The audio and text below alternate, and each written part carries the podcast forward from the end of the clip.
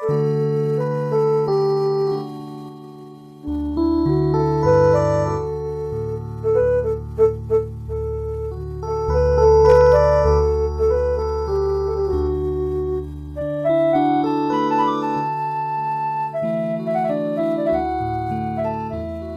េះវិទ្យុសំឡេងមេត្រីភាពផ្សាយចេញពីវិទ្យុ Adventist ពិភពលោក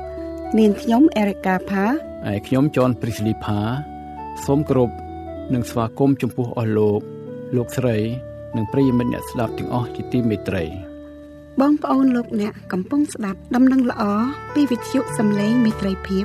ដែលផ្សាយចេញជាភាសាខ្មែរមួយថ្ងៃពីរលើកព្រឹកពីម៉ោង6ដល់ម៉ោង6:30នាទីពេលល្ងាចពីម៉ោង8ដល់ម៉ោង8:30នាទីយប់តាមរលកធាតុអាកាសខ្លី short wave 15150 kHz កម្ពស់19ម៉ែត្រអ្នកស្រីសុនសវណ្ណា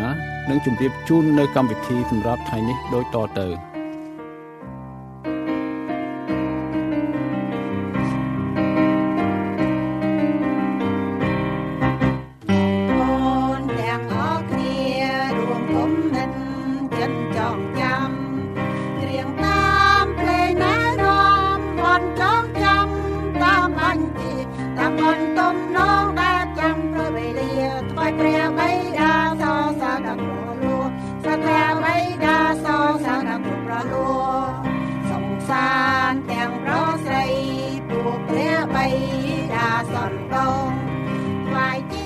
នាងខ្ញុំសូមគោរពអញ្ជើញបងប្អូនលោកអ្នកនិងប្រិយមិត្តទាំងអស់ស្ដាប់អត្ថាធិប្បាយ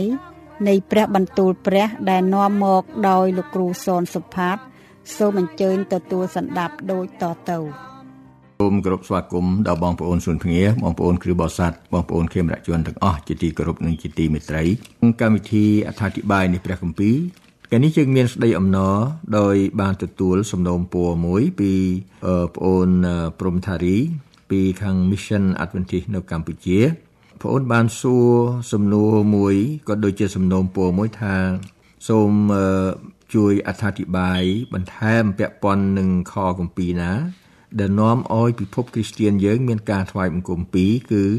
មួយនៅថ្ងៃសៅរ៍ថ្ងៃសបាតថ្ងៃទី7និងមួយទៀតនៅថ្ងៃអាទិត្យជាថ្ងៃទី1នៃសប្តាហ៍តើមានសេចក្តីបង្រៀនណាជាក់លាក់ឬការត្រាស់បង្គាប់ឲ្យមានការថ្វាយបង្គំនៅថ្ងៃណាពិតប្រាកដបាទខ្ញុំសូមថ្លែងអំណរគុណណាស់ចំពោះលោកប្អូនព្រំថារីដែលបានសួរសំណួរនេះគឺជាសំណួរមួយសំខាន់ណាស់ហើយខ្ញុំសូមឲ្យបងប្អូនយើងទាំងអស់ដែលអឺស្ដាប់វិទ្យុសំឡេងមន្ត្រីភាពពិចារណាមើលជាមួយគ្នាពីព្រោះថា យើងកាលណាយើងមានសំណួរណាមួយមិនច្បាស់លាស់គឺយើងមានតែកន្លែងមួយគត់ដែលយើងអាចនឹងទៅចុងក្រោយមកអស់គឺព្រះគម្ពីរបរិសុទ្ធដូច្នេះខ្ញុំក៏សូមឲ្យបងប្អូនសុនភ្ងៀនជួយពិចារណាមើលជាមួយគ្នាប៉ុន្តែមុននឹងសិក្សាព្រះបន្ទូលនេះខ្ញុំសូមឲ្យយើងពិចារណាលើបទបន្ទូលខ្លះៗដែលផ្ដល់ឱវាទពីព្រះគម្ពីរតាក់ទងទៅនឹងការពិភាក្សាគ្នា ពីរឿងជំនឿគោលជំនឿគោលលទ្ធិនឹងគឺជារឿងមួយសំខាន់ណាស់ ប៉ុន្តែខ្ញុំសូមអញ្ជើញបងប្អូនទាំងអស់គ្នាសង្រួមកាយដើម្បីទិដ្ឋានសូមពរពីព្រះជាម្ចាស់ព្រះវរបិតាដែលគង់នៅឋានសួគ៌ទូមគុំសូមប្រពោពិសេសនិងសូមយាងព្រះញាណបរិសុទ្ធរបស់ព្រះអង្គគង់កណ្ដាលទូមគុំទាំងអស់គ្នាប្រទានពរឲ្យទូមគុំនិងបងប្អូនដែលកំពុងស្ដាប់នៅក្នុងការពិភាក្សាដ៏រឿងដ៏សំខាន់អំពីថ្ងៃថ្វាយបង្គំព្រះអង្គគឺជាការថ្វាយបង្គំដ៏បរិសុទ្ធព្រះវរបិតាសូមទ្រង់បើកសម្ដែង និងពន្យល់ប្រាប់ទូមគុំទាំងអស់គ្នា ដោយអំណាចជាស្ដារបស់ព្រះអង្គទូមគុំសូមអធិដ្ឋានដោយនៅព្រះនាមព្រះអង្គចាស់ព្រះយេស៊ូវគ្រីស្ទអាមែនខ្ញុំសូមអញ្ជើញបងប្អូនមើលបទបន្ទូលជាមួយគ្នាបន្តិចពីព្រោះថានៅក្នុងការអត្ថាធិប្បាយ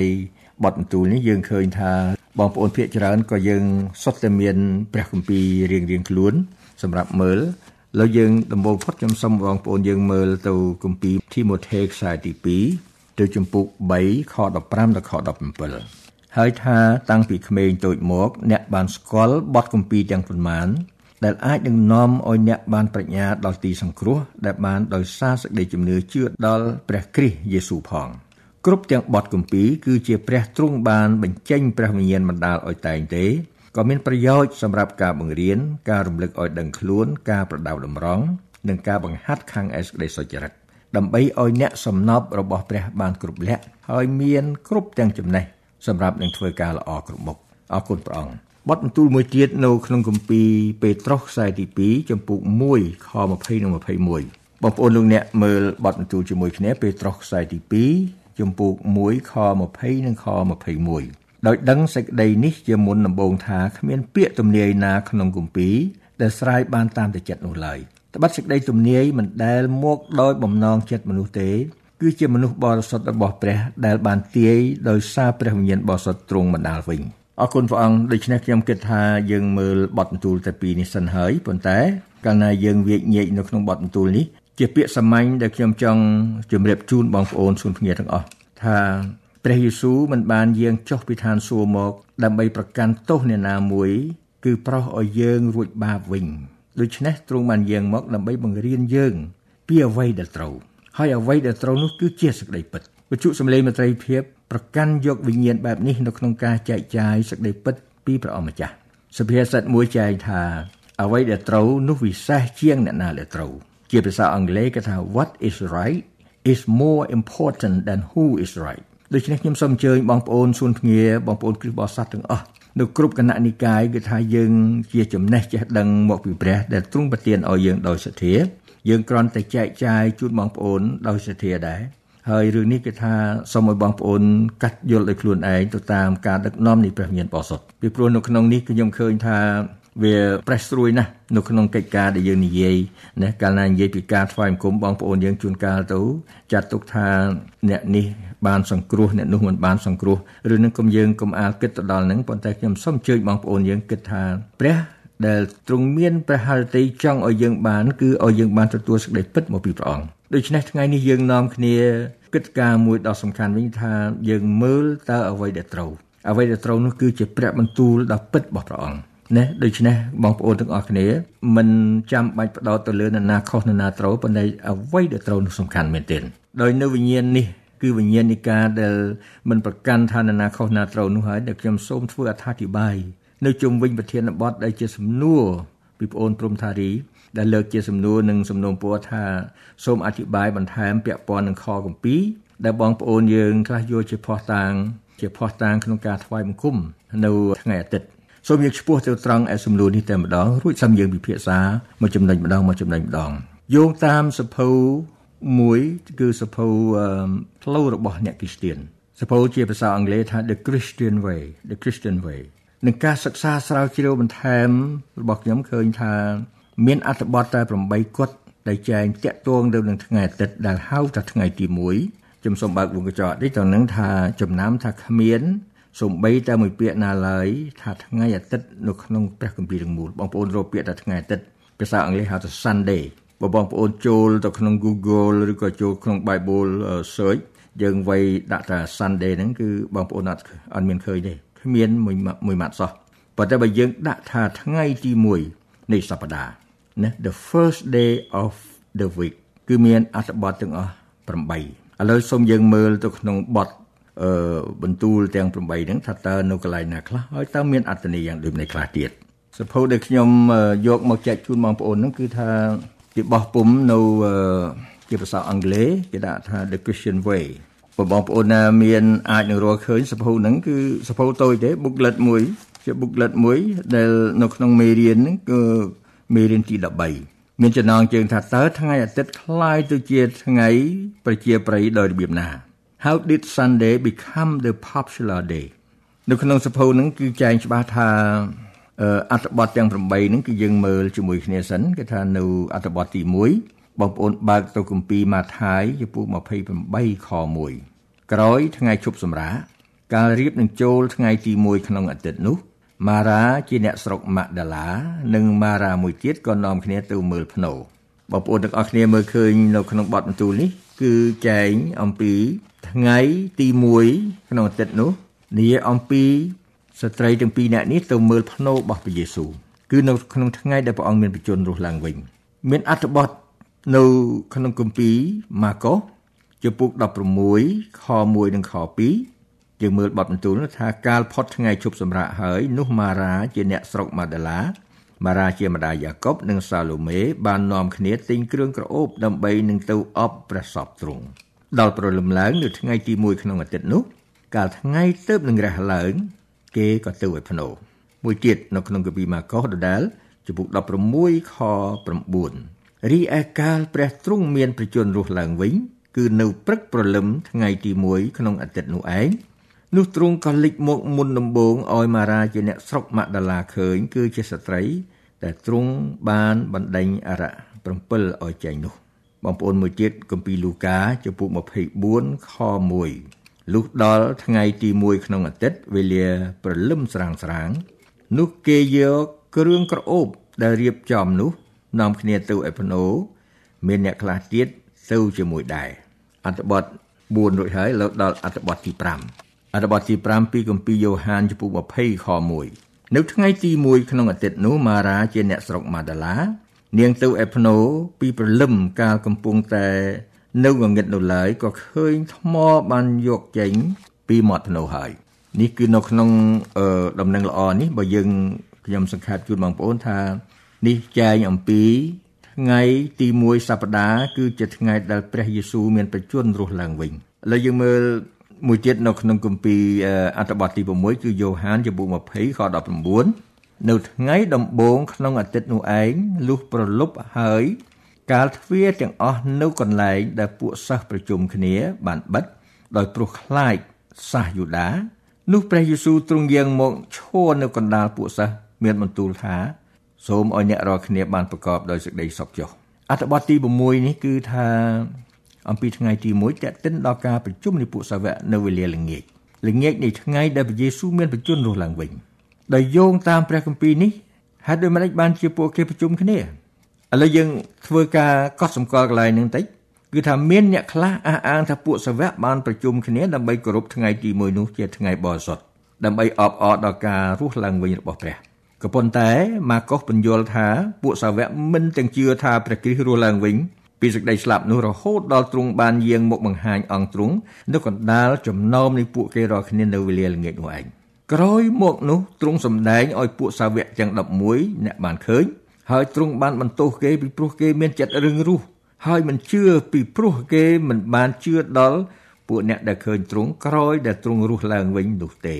នេះចែងក្នុងគម្ពីរម៉ាកុសជំពូក16ខ14ដូច្នេះនៅក្នុងនេះអត់មានផុសតាងមួយណាដែលនិយាយថាប្រជុំគ្នានោះដើម្បីថ្វាយបង្គំទេអត់ទេគឺទៅសងំទៅកិច្ចខ្លួន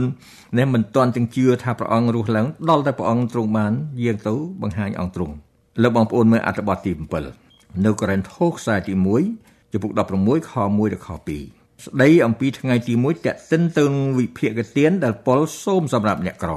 យើងអានអត្ថបទនោះ ឥឡូវនេះខាងឯការរីប្រាក់សម្រាប់ពួកបោសុតនោះចូលឲ្យអ្នករាល់គ្នាធ្វើដូចជាខ្ញុំបានផ្ដាំទុកក្នុងពួកជំនុំនៅស្រុកកាឡាទីទាំងប៉ុន្មានដែរគឺរាល់តែអាទិត្យក្នុងថ្ងៃដំបូងនោះត្រូវឲ្យអ្នករាល់គ្នាប្រមូលដាក់ទុកនៅអ្វីអ្វីដោយឡែកតាមដែលព្រះបានចម្រើនឲ្យដើម្បីកាលណាខ្ញុំមកដល់នោះមិនបាច់និងរីទៀតយើងធ្វើការកត់សម្គាល់ទីកន្លែងនេះបងប្អូនក ន្លែងនេះគឺលោកសាវកប៉ុលមិនបានផ្ដល់គំនិតឲ្យផ្លាស់ប្ដូរថ្ងៃបោះសុតពីថ្ងៃសបាតថ្ងៃទី7មកថ្ងៃទី1ដែលព្រះអង្គមានបញ្ជូនរស់ឡើងវិញនោះទេសាវកប៉ុលមិនបានផ្ដល់គំនិតឲ្យផ្លាស់ប្ដូរថ្ងៃបោះសុតដើម្បីនឹងរីប្រាក់នៅកម្មវិធីថ្ងៃអាទិត្យនោះឡើយប៉ុន្តែគាត់ចង់ឲ្យការរីអង្គាសផងទាំងឡាយធ្វើឡើងនៅនៅថ្ងៃនានាក្នុងអាទិត្យប្រយោជន៍ឲ្យគាត់បានថ្វាយពេលវេលាបានច្រើនក្នុងការបង្រៀននិងអធិប្បាយនៅថ្ងៃបោះសុតថ្ងៃជប់សម្រាប់បងប្អូនលោកអ្នក យើងឃើញថាពេលខ្លះកិច្ចការណាដែលជាប់តាក់ទិនទៅនឹងពេលវេលាច្រើនពេកយើងមិនចង់ធ្វើការងារនៅក្នុងថ្ងៃបោះសុតទេលើអត្ថបទទី8អត្ថបទចុងក្រោយគឺជាអត្ថបទជាចុងបញ្ចប់អំពីថ្ងៃទី1ក្នុងការជួបប្រជុំគ្នាប្រជុំលាគ្នាដែលលោកប៉ុលបានរៀបចំឡើងនៅថ្ងៃទី1នៃសប្តាហ៍បងប្អូនមើលឃើញនៅក្នុងបទបន្ទូលពីកិច្ចការពួកសាវកនៃជំពូក20ខ7ដល់ខ8លុះថ្ងៃដំបូងក្នុងអាទិត្យនោះ កាលពួកសិស្សបានប្រជុំគ្នាដើម្បីកាច់នំប៉័ង នោះពលក៏អធិប្បាយឲ្យគេស្ដាប់ដោយព្រោះគាត់រៀបនឹងចេញដំណើរនៅថ្ងៃស្អែកក៏សម្ដែងដល់រាបដល់ពេលពាក់កណ្ដាលអាត្រៀតរីនៅឯបន្ទប់ខាងលើជាកន្លែងដែលគេប្រជុំនោះមានចង្កៀងជាច្រើនបងប្អូនលោកអ្នកឃើញកន្លែងនេះយើងឃើញថាម៉េចការដែលពួកសាវកបានកាច់នំប៉័ងនៅក្នុងការប្រជុំនោះមិនមែនជាសញ្ញាថាថ្ងៃនោះជាថ្ងៃបោះសុតថ្វាយបង្គំព្រះនោះទេ ព្រោះថាពួកជំនុំពីបុរាណបងប្អូនលោកអ្នកមើលគម្ពីរកិច្ចការចំពុក2ជាភាសានៅចំពុក2ខ46ជាដើមម្ដុំហ្នឹងគឺថាគេកាច់នំប៉័ងពីផ្ទះមួយទៅផ្ទះមួយហ្នឹងហើយទទួលទានអាហារដោយរីករាយរៀងរាល់ថ្ងៃកិច្ចការចំពុក2ខ46គួរកត់សម្គាល់ផងដែរថាការប្រជុំគ្នាធ្វើឡើងនៅពេលយប់ខ8ចែងថា មានចង្គៀងជាច្រើននៅជាន់ខាងលើ នៅក្នុងមេរៀនទាំងអស់យើងឃើញថា យើងសិក្សាព្រះគម្ពីរយើងបានដឹងតាមព្រះគម្ពីរមួយថ្ងៃរាប់ពីថ្ងៃលិចនៃថ្ងៃមួយទទួលថ្ងៃលិចនៃថ្ងៃមួយទៀតពេលល្ងាចជាពេលងងឹតតាមព្រះគម្ពីរមានមុនពន្លឺបងប្អូនមើលនៅក្នុងគម្ពីរលោកុបាទចំពុក1ក្នុងការដែលព្រះបង្កើតលោកគឺចាប់ផ្ដើមពីយប់មុន គឺងងឹតមុនបានដល់នៅថ្ងៃដល់ភ្លឺ ដូច្នេះយើងឃើញថានៅវេលាល្ងាចថ្ងៃសៅរ៍ល្ងាចបានប្រជុំគ្នាដើម្បីទទួលទានអាហារជុំគ្នាលោកប៉ុលនិយាយទៅកាន់វងមនុស្សហើយបន្តរហូតដល់ពាក់កណ្ដាលត្រៀតយប់ថ្ងៃសៅរ៍ដោយព្រោះគាត់ត្រូវចាក់ចែងនៅថ្ងៃបន្ទាប់បងប្អូនឃើញទេដូច្នេះនេះគឺជាអត្ថបទដែលមាននៅក្នុងព្រះគម្ពីរទាំងមូលជាពិសេសនៅក្នុងគម្ពីរសញ្ញាថ្មីដែលចែងតាក់ទងទៅនឹងថ្ងៃទី1នៃសប្តាហ៍ ប៉ុន្តែអ្នកគ្រីស្ទានជាច្រើនគោរពថ្ងៃអាទិត្យជាជាងថ្ងៃសបាតថ្ងៃបោសុតតើការផ្លាស់ប្ដូរនោះមានពីពេលណាមកមានម្ដងនោះមានបងប្អូនម្នាក់ស្ដាប់វិទ្យុសំឡេងមន្ត្រីភាពគាត់សួរខ្ញុំដែរគាត់សួរថាលោកគ្រូតើថ្ងៃសបាតដូរទៅថ្ងៃទី7ហ្នឹងចាប់ពីពេលណាមកគាត់សួរចេះទៅវិញបងប្អូនលោកអ្នកបើយើងមើលគម្ពីរមែនទែនបងប្អូនណាមិនមែនដូរពីថ្ងៃទី1ទៅថ្ងៃទី7ពីពេលណាមកទេថា តើគេដូរពីថ្ងៃទី7ទៅថ្ងៃទី1ពីពេលណាមកដូច្នេះបងប្អូនលោកអ្នកគឺថាយើងជួនកាលយើងថ្វាយគុំព្រះជួនកាលយើងធ្វើអ្វីមួយយើងអត់ដែលបានស្រាវជ្រាវមើលទេយើងចេះធ្វើតតតាមគ្នាមកអានឹងទៅតាមគេហៅថាទំនៀមទម្លាប់ប្រពៃណីមកណាអាហ្នឹងដល់អញ្ចឹងទៅវាទៅជាអីទំនៀមទម្លាប់ទៅជាគេហៅថា become traditional ទៅជាប្រពៃណីដល់ប្រពៃណីអញ្ចឹងបងប្អូនប្រកាន់យកថាជាស្ដីពិត ប៉ុន្តែបើបងប្អូនមើលគម្ពីរទាំងមូលមើលតាំងពីគម្ពីរលោកុបាត់គឺថារហូតចាប់ពីព្រះបង្កើតព្រីមេឃផែនដីសពសាពើហើយនៅក្នុងថ្ងៃទី7ទ្រង់បានញែកចេញជាថ្ងៃបរិសុទ្ធដើម្បីនឹងយើងបានថ្វាយបង្គំព្រះថ្ងៃនេះដោយសារពេលវេលាកំណត់ខ្ញុំគ្រាន់តែជម្រាបជូនបងប្អូនថាអត្ថបទដែលមានដែលបងប្អូនយើងតែងតែលើកមកថាមានការថ្វាយបង្គំព្រះ មានការប្រជុំការប្រជុំមិនមែនសុទ្ធតែការថ្វាយបង្គំទេបងប្អូន នៅក្នុងគម្ពីរហ្នឹងគេថាមានពីរយ៉ាង ការប្រជុំមាន ការប្រជុំមួយគេហៅថា the worship មួយទៀតគឺប្រជុំការងាររបស់ពួកជំនុំដូច្នេះហើយយើងឃើញថាការហ្នឹងកុំអោយយើងឆ្ងល់សង្ស័យប៉ុន្តែរឿងនេះមានបទបន្ទូលចែងយ៉ាងច្បាស់ណាស់ចែងយ៉ាងច្បាស់ណាស់ដូចខ្ញុំជំរាបជូនមិញមិញអញ្ចឹងឥឡូវខ្ញុំបានសន្យាមិញហើយគឺខ្ញុំលើកសំណួរមួយមកមាញ់មិញនៅក្នុង ចំណែកមួយនៃមេរៀននឹងដែរថាតើការផ្លាស់ប្ដូរពីថ្ងៃបរិសុទ្ធទៅថ្ងៃទី1ហ្នឹងគឺមានពីពេលណាមកនេះខ្ញុំ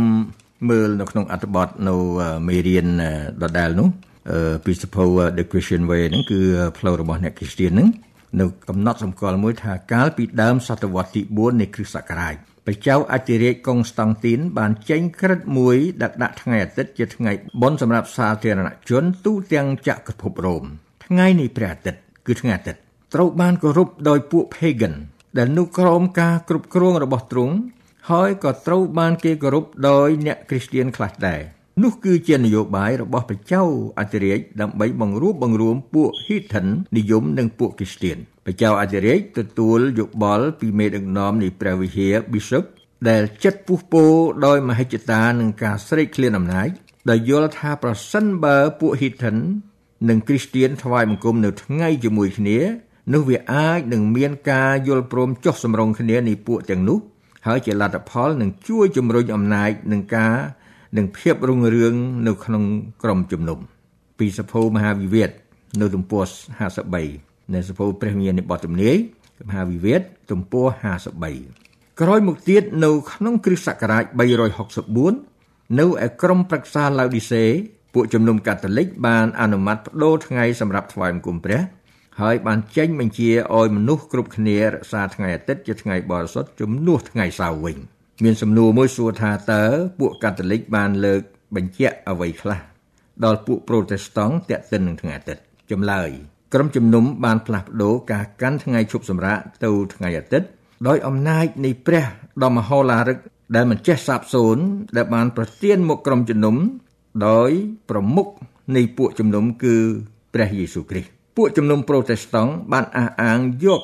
ព្រះគម្ពីរថាជាមគ្គុទេសតែមួយគត់នៃស្ដីជំនឿបានជាគេមិនមានសេចក្តីបង្គាប់ណាឲ្យគោរពថ្ងៃអាទិត្យដកស្រង់ចេញពី The Catholic Universe Bulletin August 14 1942ដកស្រង់ចេញពី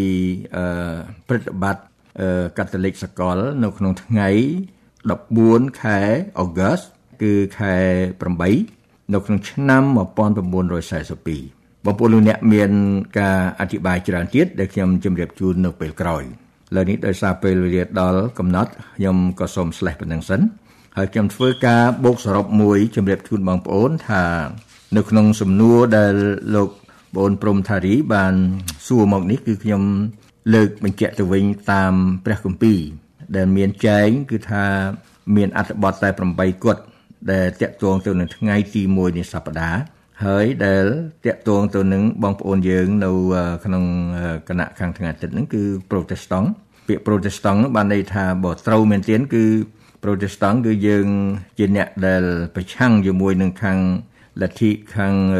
កាតូលិកនិយមនៅក្នុងក្រុងរ៉ូមហ្នឹងហើយក៏យើងបានបែកចែកមកដូច្នេះនៅក្នុងនេះនេះចាំខ្ញុំនឹងជម្រាបជូននៅពេលក្រោយទៀតថាមានការបរិយាយខាងកាតូលិក នៃលទ្ធិកាតូលិកបរិយាយហើយនិងលទ្ធិប្រូតេស្តង់បរិយាយសូមបងប្អូនរងចាំស្ដាប់នៅកម្មវិធីជាបន្តទៅទៀតប៉ុន្តែខ្ញុំក៏សូមធ្វើការបូកសរុបមួយដែរជូនបងប្អូនលោកអ្នកថានៅក្នុងអត្ថបទទាំង8ហ្នឹងគឺយើងឃើញមានសារៈសំខាន់ណាស់ដែលចែកអំពីថ្ងៃដែលព្រះយេស៊ូវមានបញ្ជូនរស់ឡើងវិញគឺនៅក្នុងថ្ងៃទី1នៃសប្តាហ៍ដូច្នេះបងប្អូនលោកអ្នកនឹងហើយជាគោលដ្ឋានដ៏សំខាន់ សម្រាប់បងប្អូនដែលពិតជាចង់ស្វែងរកថ្ងៃថ្វាយគុំព្រះឲ្យពិតប្រាកដថាតើថ្ងៃណានោះណាគឺនៅក្នុងអត្ថបទដែលបាញ់មិញហ្នឹងគឺនៅក្នុងកូពីម៉ាថាយម៉ាកុសលូកាយូហាហ្នឹងបងប្អូនមើលនៅក្នុងជំពូកចុងក្រោយទាំងអស់ណាម៉ាថាយ28ជំពូកគឺនៅក្នុងជំពូក28លូកាចុះមក4មកឃើញ24គឺនៅជំពូក24ហ្នឹងគឺបងប្អូនមើលឃើញណានៅខ1ដល់ខ3យើងមើលឃើញនៅក្នុងគម្ពីរនៃយូហាន នៅចំពោះ20ពីខ1ដល់ខ3នៅគម្ពីរម៉ាកុសពី16ចំពោះគឺចំពោះ16ខ1ដល់ខ3បងប្អូនមើលឃើញថាបង្ហាញប្រាប់អំពីគោលដ្ឋានដ៏សំខាន់ណាស់គឺថាបង្ហាញប្រាប់អំពីព្រះយេស៊ូវដែលព្រះអង្គអឺមានបញ្ជូនរស់ឡើងវិញនៅថ្ងៃទី1នៃសប្តាហ៍ដូច្នេះបើសិនជាយើងឃើញថាព្រះគម្ពីរចង្អុលបង្ហាញថាថ្ងៃដែលព្រះយេស៊ូវមានបញ្ជូនរស់ឡើងវិញនៅថ្ងៃអាទិត្យជាថ្ងៃទី1សប្តាហ៍ បងប្អូនអាចរកឃើញថ្ងៃថ្វាយគុំព្រះថ្ងៃទី7បានយ៉ាងត្រឹមត្រូវបំផុតគឺអត់ចាំបាច់ទៅរក calendar ណានៃប្រកដីទិនណាមកដើម្បីតម្រូវឲ្យយកថ្ងៃច័ន្ទទី1ឬក៏ថ្ងៃអាទិត្យទី1អីណែមិនច្បាស់លាស់ទេគឺថាគម្ពីរចែងច្បាស់ណាស់បាទដូច្នេះហើយថានេះជាគោលដ្ឋានមួយដ៏សំខាន់បើបងប្អូនឃើញព្រះយេស៊ូវមានបញ្ជូនរស់ឡើងវិញនៅថ្ងៃទី1គឺថ្ងៃអាទិត្យនៃសប្តាហ៍ ដូច្នេះថ្ងៃទី7ហ្នឹងបងប្អូនរាប់មើលទៅរាប់ដៃមើលទៅឃើញថ្ងៃថ្ងៃទី7ជាថ្ងៃថ្វាយគុំព្រះនៅក្នុងព្រះគម្ពីរគឺថ្ងៃសៅរ៍តែនេះហើយបានថាបងប្អូននោះអ្នកខ្ញុំសូមជូននៅបទបន្ទូលទាំងអស់នេះហើយសូមបងប្អូនទាំងអស់គ្នាពិចារណាហើយនឹងអធិដ្ឋានឲ្យអស់ពីចិត្តសូមឲ្យព្រះជាម្ចាស់បើកសម្ដែងនៅសេចក្តីពិតដល់បងប្អូនខ្ញុំនឹងវិលមកជួបបងប្អូនបន្តទៅទៀតនៅកម្មវិធីក្រោយ ដែលយើងមានកម្មវិធីជាបន្តទៅទៀតនៅក្នុងឈុតអធិប្បាយរបស់ខ្ញុំអំពីថ្ងៃថ្វាយបង្គំព្រះបាទសូមព្រះជាម្ចាស់ប្រទានពរបងប្អូនអស់នេះ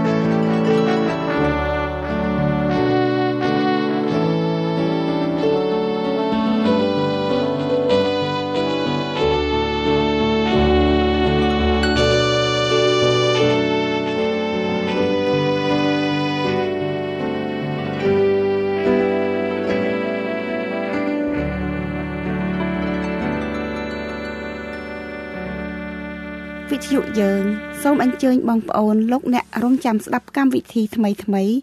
និងដំណឹងល្អនៃសេចក្តីសង្គ្រោះពីព្រះយេស៊ូវគ្រីស្ទជាព្រះអង្គសង្គ្រោះ ដែលទ្រង់នឹងយាងមក